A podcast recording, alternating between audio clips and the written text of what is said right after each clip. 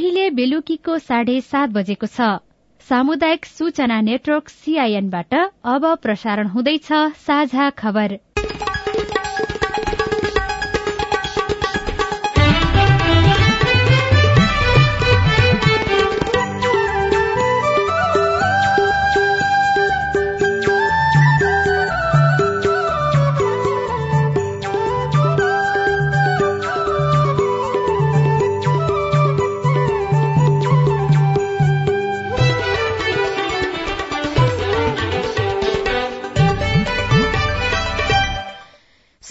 साझा खबरबाट सोभिता रिसालको नमस्कार। साझा खबर देशभरिका सामुदायिक radio CIN Khabar dot com सीआईएनको फेसबुक पेज र मोबाइल एप सीआईएनबाट पनि सुन्न सकिन्छ।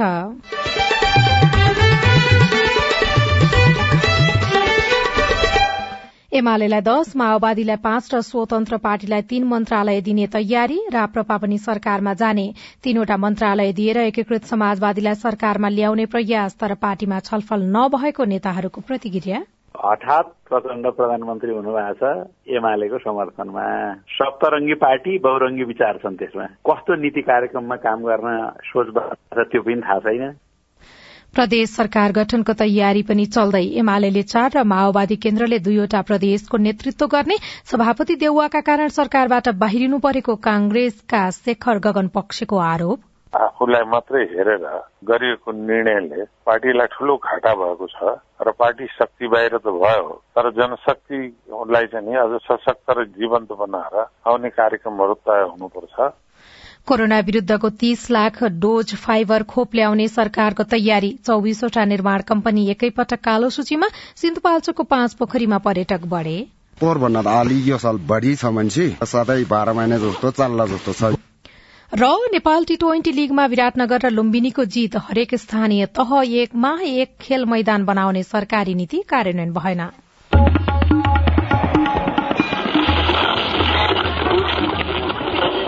सयौं रेडियो। हजारौं रेडियो कर्मी र करोड़ौं नेपालीको माझमा यो हो सामुदायिक सूचना नेटवर्क सीआईएन सन् दुई हजार उन्नाइसमा सार्वजनिक एउटा अध्ययन प्रतिवेदन अनुसार जलवायु परिवर्तनसँगै बाहिरबाट आएका मिचाहा प्रजातिका वनस्पति नेपालमा विस्तार हुने र फैलने क्रम बढ़िरहेको छ। यस्ता मिचाहा प्रजातिका झार उच्च तापक्रममा अझ बढ़ी फैलने देखिएको छ। तापक्रम बढ़दै जाँदा यी प्रजाति नयाँ ठाउँ अनि गर्मी भेगबाट हिमाली र पहाड़ी क्षेत्रमा फैलँदै गएको पाइएको छ। मिचाहा झार फैलँदै जाँदा खेतीपाती जड़ीबुटीको उत्पादकत्वमा असर परिरहेको छ। किसानलाई यसबारेमा पर्याप्त जानकारी दिनु आवश्यक छ। अब खबर अविनाश आचार्यबाट। सत्ता साझेदार दलहरू मन्त्री परिषदलाई पूर्णता दिन छलफलमा जुटेका छन्। सरकारमा सहभागी भएका दलका शीर्ष नेताहरू अनौपचारिक छलफलमा जुटेका हुन्। प्रधानमन्त्री पुष्पकमल दाहाल प्रचण्ड र एमाले अध्यक्ष केपी शर्मा ओली बीच आज बिहान यसबारेमा छलफल भएको हो। यसबारेमा छलफल गर्न एमाले अध्यक्ष ओली खुमलटार स्थित प्रधानमन्त्री प्रचण्डको निवास पुग्नु भएको थियो। प्रधानमन्त्री प्रचण्डले एकीकृत समाजवादीका अध्यक्ष माधव कुमार नेपाल र जनता समाजवादी पार्टीका अध्यक्ष उपेन्द्र यादवसँग पनि छुट्टा छुट्टै भेट गर्नु भएको छ।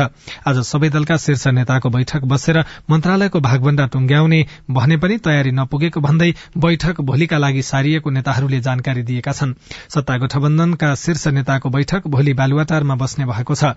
बैठकमा मन्त्रालय बाँडफाँड तथा सरकार सञ्चालनका विषयमा छलफल हुने बताइएको छ। तर सत्ता गठबन्धनमा मन्त्रालय भागबण्डाको प्रारम्भिक खाका भने बनेको छ। नेताहरूका अनुसार एमाले बढ़ीमा दसवटा माओवादी केन्द्रले पाँचवटा राष्ट्रिय स्वतन्त्र पार्टीलाई तीन मन्त्री र एक राज्य मन्त्री दिने तयारी छ। जसपा र जनमत पार्टीले दुई दुईवटा मन्त्रालय पाउने सम्भावना छ। एकीकृत समाजवादीलाई दुईदेखि तीनवटा मन्त्रालय दिएर सरकारमा ल्याउने प्रस्ताव प्रयास भइरहेको छ। तर सीआईएनसँग कुरा गर्दै नेता जगन्नाथ खतिवड़ाले अहिले आफूहरू सरकारमा जानेबारे कुनै तयारी नभएको बताउनुभयो। पार्टीले अहिले उहाँहरूका गतिविधि सबै सबै कुरा अप्ठ्यारा अप्ठ्यारा चिजहरू छन् नि अहिले। अब हठात प्रचण्ड प्रधानमन्त्री हुनुभएको छ एमालेको समर्थनमा। सप्तरङ्गी पार्टी बहुरङ्गी विचार छन् त्यसमा। कस्तो नीति कार्यक्रममा काम गर्न सोच छ त्यो पनि थाहा छैन। उसको सरकारको आफ्नो प्रायोरिटी एजेन्डा के हो त्यो पनि थाहा छैन। हामीसँग उसले के के कुरा आशा गरे हो त्यो पनि हामीलाई थाहा छैन। हामीसँग सल्लाह परामर्शले सरकार बनाए पनि होइन।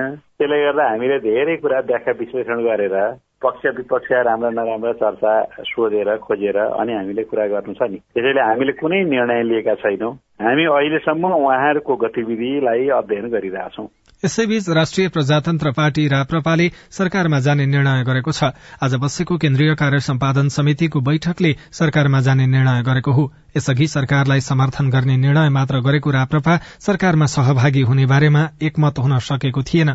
तर आजको बैठकमा सहभागी अधिकांश नेताले सरकारमा जानुपर्ने सुझाव दिएसँगै पार्टी सरकारमा जाने निर्णय भएको राप्रपाका प्रवक्ता मोहन श्रेष्ठले सीआईएनलाई जानकारी दिनुभयो। संघीय सरकार गठन भएसँगै सत्ता साझेदार दलले प्रदेश सरकार गठनको तयारी पनि थालेका छन्।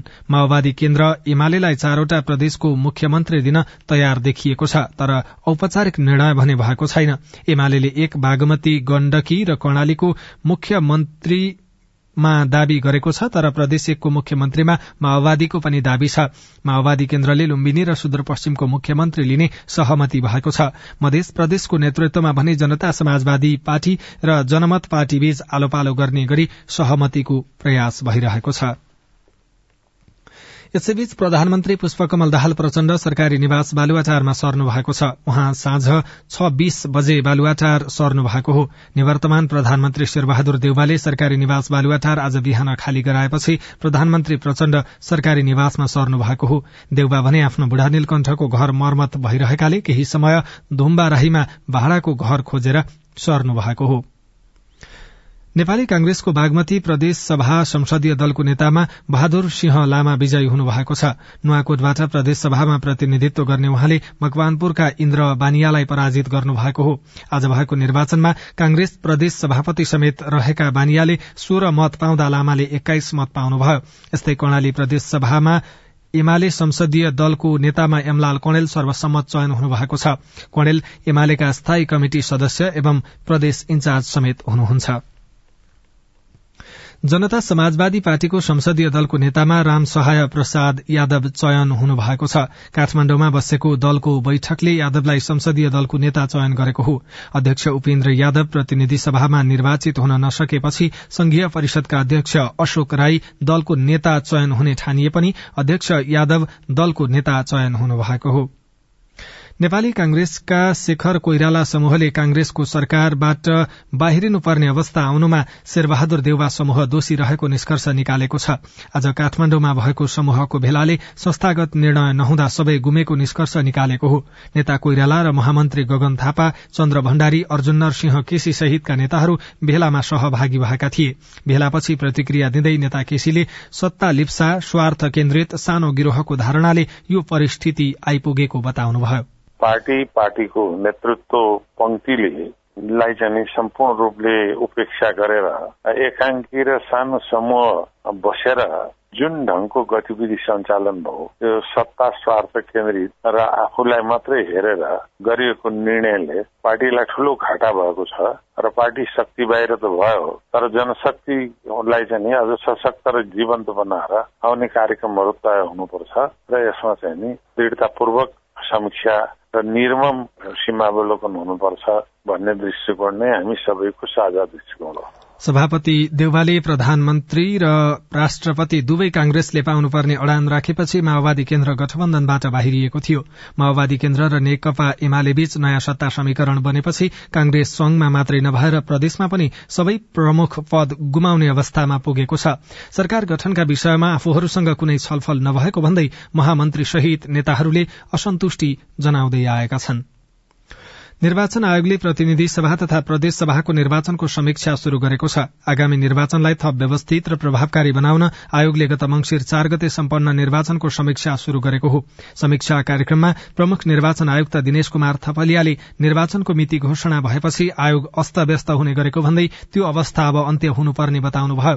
त्यसका लागि निर्वाचनपछि पनि आयोगले उत्तिकै तादरूकताका साथ काम गर्न जरूरी देखिएको उहाँले बताउनुभयो। निर्वाचनका सबल र दुर्बल पक्षको समीक्षा समीक्षा गरेर निर्वाचन पछिको अवधिमा आयोगले गर्नुपर्ने कानूनी र नीतिगत सुधारका विषयहरू पनि स्पष्ट रूपमा तयार गर्न जरूरी देखिएको उहाँले बताउनुभयो। भक्तपुरको नगरकोटमा आयोजना गरिएको समीक्षा कार्यक्रम भोलिसम्म चल्नेछ। यस लगत्तै प्रदेश र जिल्ला स्तरमा पनि समीक्षा कार्यक्रम गरिने आयोगका सहायक प्रवक्ता सूर्य प्रसाद अर्यालले सीआईएनलाई जानकारी दिनुभयो। अब हामीले व्यवस्थित तरिकाले समीक्षा गर्दैछौ। प्रदेश र केन्द्रमा र उक्त समीक्षामा कुन ढाँचाबाट जाने कसरी जाने के कुरा एक्सपेक्ट गर्ने गरी कस्ता क्वेसनहरू डेभलप गर्ने अब हामीले शाखागत रूपमा चाहिँ के कस्ता अनुभव राम्रा कुरा सुधार गर्नुपर्ने पक्षहरू के कस्ता पायौँ ती सबै कुराहरूलाई समेटेर एउटा पूर्व तयारीको रूपमा कार्यक्रम गरिएको अब हामी भोलि पनि छलफल गर्छौँ। त्यसपछि समीक्षा कार्यक्रमको मोडालिटी कसलाई संलग्न गर्नुपर्ने र कहिलेसम्म सक्ने भन्ने कुरा भोलि टुङ्ग्याउँछ हामी। समीक्षा कार्यक्रममा निर्वाचन आयुक्तहरू आयोगका सचिव महाशाखा र शाखा प्रमुख लगायत सहभागी रहेको निर्वाचन आयोगले जनाएको छ। साझा खबरमा अब खेल खबर। पोखरा एभेन्जर्सलाई पराजित गर्दै विराटनगर किङ्सले नेपाल टी ट्वेन्टी लीगमा पहिलो जीत हात पारेको छ। कृतिपुरमा आज भएको खेलमा विराटनगरले पोखरालाई छ विकेटले हराएको हो। प्राविधिक कारणले उन्नाइस ओभरमा छुट्याइएको खेलमा जीतका लागि एक सय चालिस रनको लक्ष्य पाएको विराटनगरले सत्र दशमलव चार ओभरमा छ विकेट गुमाएर भेटायो त्यसअघि पहिले ब्याटिङ गरेको पोखराले उन्नाइस ओभरमा सात विकेट गुमाएर एक सय उन्चालिस रन बनाएको थियो। आजको पहिलो खेलमा लुम्बिनी अल स्टारले फार वेस्ट युनाइटेडलाई सुपर ओभरमा पराजित गरेको छ। फार वेस्टले दिएको एक सय अडतीस रनको लक्ष्य सहित जवाफी ब्याटिङ गरेको लुम्बिनीले बीस ओभरमा नौ विकेट गुमाएर एक सय सैतिस रन बनाएपछि खेल सुपर ओभरमा गएको थियो। र स्पेनको दोस्रो डिभिजनको लीग क्लब कासेरेन्यो सीपीले मैत्रीपूर्ण खेलमा नेपालको गण्डकी एघारलाई पराजित गरेको छ। पोखरा रंगशालामा आज भएको खेलमा कासेरेन्योले गण्डकी एघारलाई तीन शून्यले हराएको हो। अब कासेरेन्योले भोलि दशरथ रंगशालामा काठमाडौँ एघारसँग मैत्रीपूर्ण फुटबल खेल्नेछ।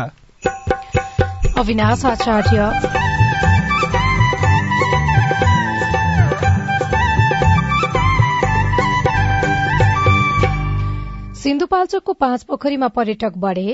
पहिलाको भन्दा अब अहिले बाह्रै महिना होटेल चलिरहेको छ। विदेश जानु पारेको छैन। त्यही खर्चले बालबच्चा अब पढाउँदैछ। फोहोर फाल्ने ठाउँ नै नभएर चाहिँ हामीले भिरको मुनि चाहिँ जम्मा परेर राखेको चाहिँ हामीले स्थानीय होटल व्यवसायीलाई फाइदा तर फोहोर पनि बढ़दै रिपोर्ट। अखिल नेपाल फुटबल संघ एन्फा राजनीति गर्ने थौलो बन्दै लगायतका सामग्री बाँकी नै छन्। सीआईएनको साझा खबर सुन्दै गर्नुहोला। सबैलाई नमस्कार। अध्यक्ष उपाध्यक्ष सदस्य सबै पो आउनुभएछ त। हामी त विपद व्यवस्थापनमा जनप्रतिनिधिको भूमिकाकै बारेमा पो छलफल गर्दै थियौं। अनि के छ निष्कर्ष सुनौ न त? बाढ़ी पहिरो भूकम्प लगायतका विपदको समयमा महिलाका समस्या सम्बोधन गर्न पालिकाले अझ धेरै काम गर्न सक्छ भन्ने हाम्रो बुझाइरह्यो विपद सम्बन्धी स्थानीय नीति कानून मापदण्ड बनाउने र कार्यान्वयन अनुगमन नियमनको अधिकार स्थानीय सरकारलाई छ। त्यसमा महिलाको पनि सहभागिता बढाउनु पर्यो। पालिकाको अध्यक्ष मै छु। पाएको अधिकार अनुसार हामी बनेको कानून कार्यान्वयन गर्ने अनि आवश्यक कानून बनाउने चरणमै छौ। अब तपाईँका सुझाव पनि समेटिन्छन् है। विपदको तयारी र प्रतिकार्यका लागि पालिकामा रहेको संयन्त्र र योजना अनि नीतिहरू महिला बालबालिका अपाङ्गता भएका यौनिक अल्पसंख्यक समुदायका व्यक्तिको आवश्यकतामा आधारित हुनु पर्यो अध्यक्षज्यू। दिदी बहिनीहरूले सही कुरा उठाउनु भयो यहाँ उठेका सबै कुरा कार्यपालिकाको बैठकमा राख्ने प्रतिबद्धता जनाउँदै बरु अध्यक्षज्यू अहिलेसम्म बनेका कानून कस्तो बने अनि भविष्यमा कस्तो बनाउने भन्ने बारे भोलि नै एउटा छलफल राखौ न हुन्न? विपद पहिले विपदको बेला र विपद पछि कस्तो नीति बनाउने र महिलालाई कसरी सम्बोधन गर्ने भन्ने बारेमा भोलि नै सर्वपक्षीय बैठक गरौं। आएका सुझाव समेटेर बनेका कानून संशोधन र नयाँ कानून बनाउन पालिका तयार छ। विपद सम्बन्धी कानून निर्माण र कार्यान्वयनमा महिलाको अर्थपूर्ण सहभागिता खोजौं। युएन उमनको सहयोगमा ल्याक र अकोराब नेपाल। सामाजिक रूपान्तरणका लागि यो हो सामुदायिक सूचना नेटवर्क सीआईएन तपाई सामुदायिक सूचना नेटवर्क सीआईएनले तयार पारेको साझा खबर सुन्दै हुनुहुन्छ। सरकारले अपाङ्गता भएका व्यक्तिका लागि पहुँचयुक्त भौतिक संरचना तथा संचार सेवा निर्देशिका ल्याउने भएको छ। महिला बालबालिका तथा ज्येष्ठ नागरिक मन्त्रालयका उपसचिव जमुना मिश्रले अपाङ्गता भएका व्यक्तिका लागि आवश्यक पर्ने भएकाले सो निर्देशिका ल्याउने कामलाई अन्तिम चरणमा पुर्याइएको जानकारी दिनुभयो।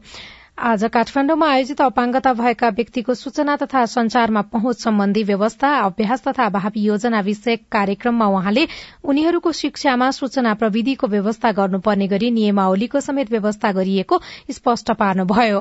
बौद्धिक अपाङ्गता मानसिक अपाङ्गता अटिजम मस्तिष्क पक्षघात वा श्रवण दृष्टिविहीन भएका व्यक्तिको सिकाई आवश्यकतालाई सम्बोधन गर्न सरकारले पाठ्यक्रम पाठ्य पुस्तक र सोही अनुसारको शैक्षिक सामग्रीको व्यवस्था गरेको पनि उहाँले बताउनु भएको छ।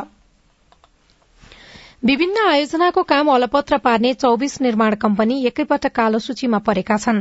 सार्वजनिक खरिद अनुगमन कार्यालयले अन्तर्राष्ट्रिय र नेपाली सहित चौविसवटा निर्माण कम्पनीलाई कालो सूचीमा राखेको हो। ती निर्माण व्यवसायी र आपूर्तिकर्ताहरूले कालो सूचीमा राखिएको अवधिभर सार्वजनिक निकायको कुनै पनि खरिद प्रक्रियामा भाग लिन नपाउने कार्यालयले जनाएको छ।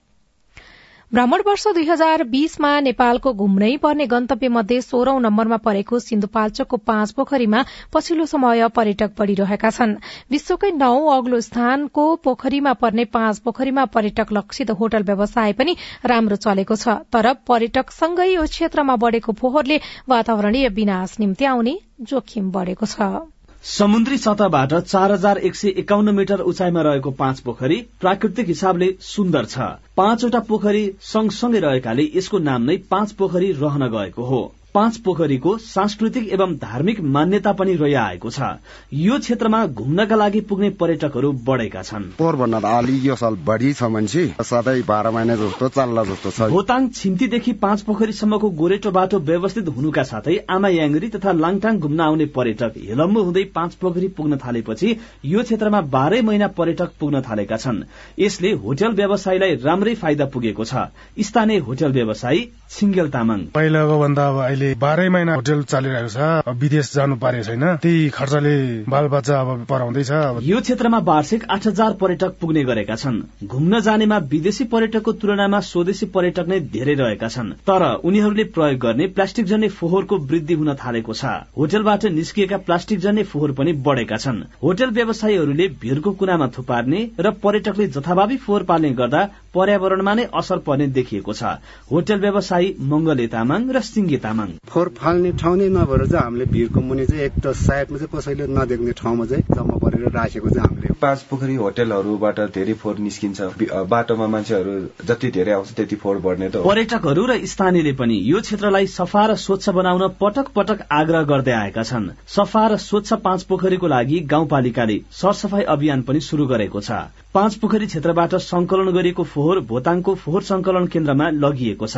तर दीर्घकालीन फोहोर व्यवस्थापनको काम भने हुन सकेको छैन। होटल व्यवसायीलाई सुसूचित गर्नेदेखि विभिन्न स्थानमा डस्टबिन अनिवार्य हुनुपर्ने अवधारणालाई अगाडि बढ़ाउने ओडा नम्बर तीनका अध्यक्ष निमा छिरिङ तामाङ बताउनुहुन्छ। प्रत्येक होटल व्यवसायहरूलाई हामी अनिवार्य रूपमा चाहिँ उहाँहरूले डस्टबिनको व्यवस्थापन गर्ने यो कुरा चाहिँ हामी अगाडि बढेर यहाँको फोहोर मैला व्यवस्थापन योजना विगतमा जनै पूर्णिमाको मेलामा मात्रै दर्शनार्थीको भीड़ हुने यो क्षेत्रमा अहिले बाह्रै महिना पर्यटकहरू पुग्ने गरेका छन्। पर्यटक बढ़नु राम्रो भए पनि सँगै बढ़ेको फोहोरको उचित व्यवस्थापन भने गर्नु आवश्यक रहेको छ। दीपक खत्री सीआईएन रेडियो सिन्धु सिन्धुपाल्चोक साझा खबरमा अब हेलो सीआईएन सजना तिमल सिन्हाबाट विष्णु चालिसेले हाम्रो फेसबुक पेजमा भ्रष्टाचार र अनियमितता भएको बारे सर्वसाधारणले उजुरी दिन मिल्ने निकाय के छ र कुन निकायबाट उजुरी दिन सकिन्छ भनेर सोध्नु भएको छ यसबारेको जानकारी दिँदै हुनुहुन्छ अख्तियार दुरूपयोग अनुसन्धान आयोगका प्रवक्ता श्याम प्रसाद भण्डारी। वास्तवमा भ्रष्टाचार नियन्त्रण र सुशासन प्रवर्धन गर्ने संवैधानिक निकायको रूपमा अख्तियार दुरूपयोग अनुसन्धान आयोग छ होइन? आयोगमा विभिन्न एघारवटा माध्यमद्वारा हामीले उजुरी दिन सक्छौँ। लिखित निवेदन लेखेर आयोगको कार्यालय टङ्गालमा सातैवटा प्रदेशमा पनि कार्यालयहरू छन् त्यहाँ पनि दिन सकिन्छ र अर्को नेपालगञ्जमा एउटा सम्पर्क कार्यालय छ आठवटा कार्यालयमा दिन सकिन्छ। सँगसँगै अनियमितताका उजुरीहरू सम्बन्धित कार्यालयकै पनि कार्यालय प्रमुखलाई र अरू तालुक निकायमा पनि तपाईँको दिन सकिन्छ। कुनै गुनासो उजुरीहरू हुँदाखेरि प्रत्येक कार्यालयहरूमा गुनासो सुन्ने अधिकारीको पनि व्यवस्था गरिरहेको छ त्यहाँ सामान्य खालका गुनासोहरू सेवा प्रवाह सम्बन्धी गुनासोहरू हामीले दिन सक्छौँ। तर भ्रष्टाचार भएकै कुनै सूचना छ भने उहाँहरूले चाहिँ अख्तियार दुरुपयोग अनुसन्धान आयोगको वेबसाइटमा पनि तपाईँको वेबसाइट मार्फत पनि हामीले त्यहाँ राखेका छौँ।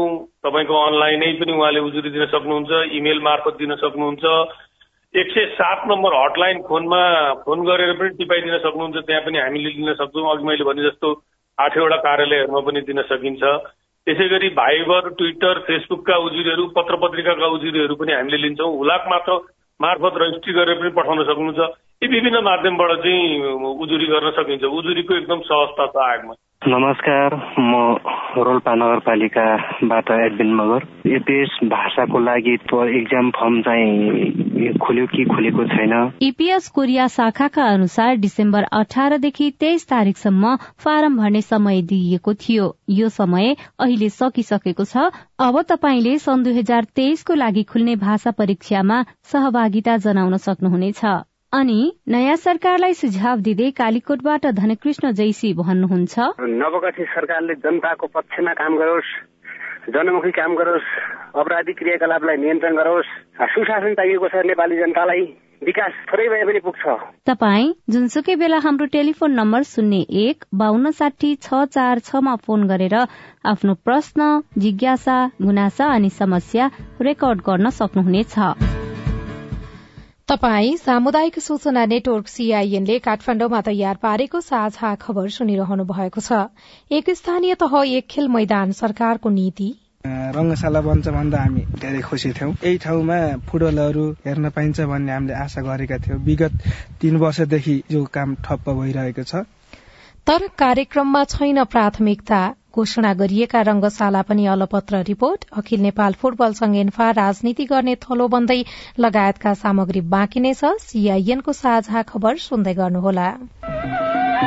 बाल विवाह विरूद्ध धर्मगुरूहरूको प्रतिबद्धता। वैदिक साहित्यमा बाल विवाह छैन। बाल विवाह हाम्रो मण्डली अन्तर्गत भएको छैन। हाम्रोमा बाल विवाह हुँदैन। यो मुद्दुमले भनेको कुरा हो र हाम्रो व्यवहारमा त्यस्तो नै छ। राधामिस गीता बाइबल कुरान वेद लगायतका सबै धर्मका ग्रन्थहरूले बाल विवाह गर्नुहुन्न भनेको भनेर धर्मगुरूले रेडियोबाट भनेको सधैँ सुन्ने गरिन्छ। तर किन बाल विवाह अन्त्य नभएको होला? हाम्रो नगरलाई बाल विवाह मुक्त गराउन अब के गर्ने होला? त्यो त हो नगर प्रमुखज्यू।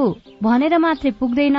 सबै धर्मका धर्मगुरूहरूले म बाल विवाह गराउने काममा संलग्न हुन्न भनेर प्रतिबद्धता जनाउने र अरूलाई पनि त्यस्तै सिकाउने कार्य गर्न सके मात्रै त्यो कार्य प्रभावकारी हुन्छ। अनि बाल विवाह विरूद्ध काम गर्ने संघ संस्थाहरू र तपाईँहरू जस्ता स्थानीय सरकारले पनि धर्मगुरू र धार्मिक अगुवाहरूलाई यो अभियानमा सँगसँगै सहभागी गराएर अघि बढ़ाउन सके बाल विवाह लगायतका हानिकारक परम्परागत अभ्यास अन्त्य गर्न सकिन्छ। हुन्छ राधामिस म त्यसै गर्छु। ओल्ड भिजन इन्टरनेसनल नेपाल र अकुराब। सीआईएनको साझा खबर अब नेपाली पात्रोमा पनि। स्थानीय राष्ट्रिय तथा अन्तर्राष्ट्रिय समाचार नेपाली एफएम तथा अनलाइन रेडियोहरू एकै ठाउँमा सुन्न तिथि मिथि तथा पञ्चाङ्ग सम्बन्धी सबै जानकारी लिन। अन्तर्राष्ट्रिय मुद्राको नेपाली विनिमय दर सुन चाँदीको दर भाव मौसम सम्बन्धी सूचना र सार्वजनिक विधा बारेको जानकारी लिन पनि। नेपाली पात्रो अब तपाईँको मोबाइलमा। सामाजिक रूपान्तरणका लागि यो हो सामुदायिक सूचना नेटवर्क सीआईएन तपाई सामुदायिक सूचना नेटवर्क सीआईएनले काठमाण्डुमा तयार पारेको साझा खबर सुन्दै हुनुहुन्छ। सरकारले एक स्थानीय तह एक खेल मैदान एक जिल्ला एक रंगशाला निर्माण गर्ने नीति लिएको छ।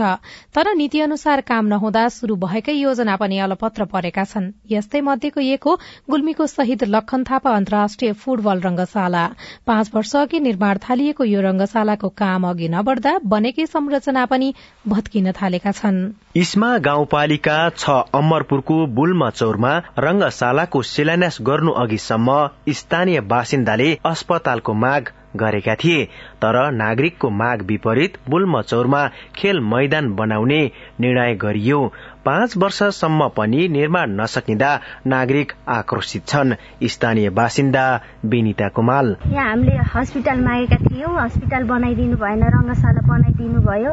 अनि बनाइदिइसकेपछि पनि यहाँ व्यवस्था भएन। अनि हामीले पनि काम गर्यौँ काम गरेको पैसा उहाँहरूले पठाइदिनु भएन।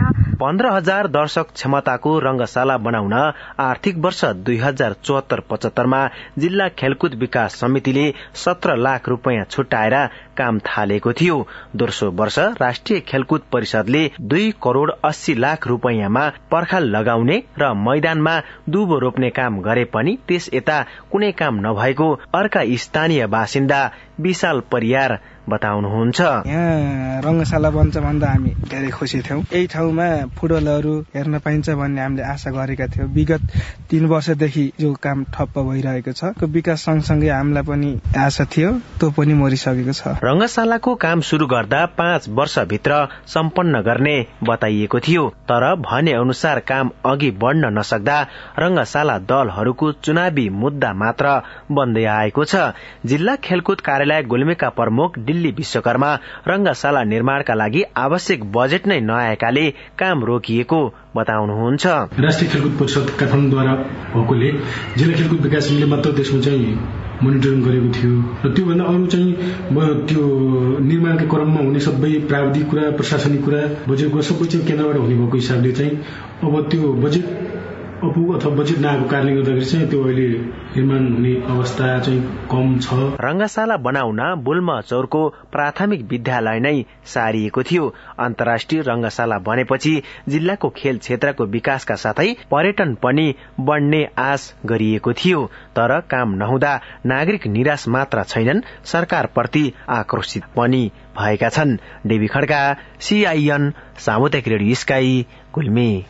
Nepali football अहिले निकै अप्ठ्यारो अवस्थाबाट गुज्रिरहेको छ। लामो समयदेखि लीगहरू सञ्चालन हुन सकेका छैनन् भने अखिल नेपाल फुटबल संघ एन्फा राजनीति गर्ने थलो बनेको छ। अर्कोतर्फ खेलाड़ी पलायन हुने क्रम रोकिएको छैन। नेपाली फुटबल यस्तो अवस्थामा पुग्नुको पछाडि के कारण छ? साथी राजन रुचालले राष्ट्रिय फुटबल टीमका पूर्व कप्तान उपेन्द्र मान सिंहसँग कुराकानी गर्नुभएको छ।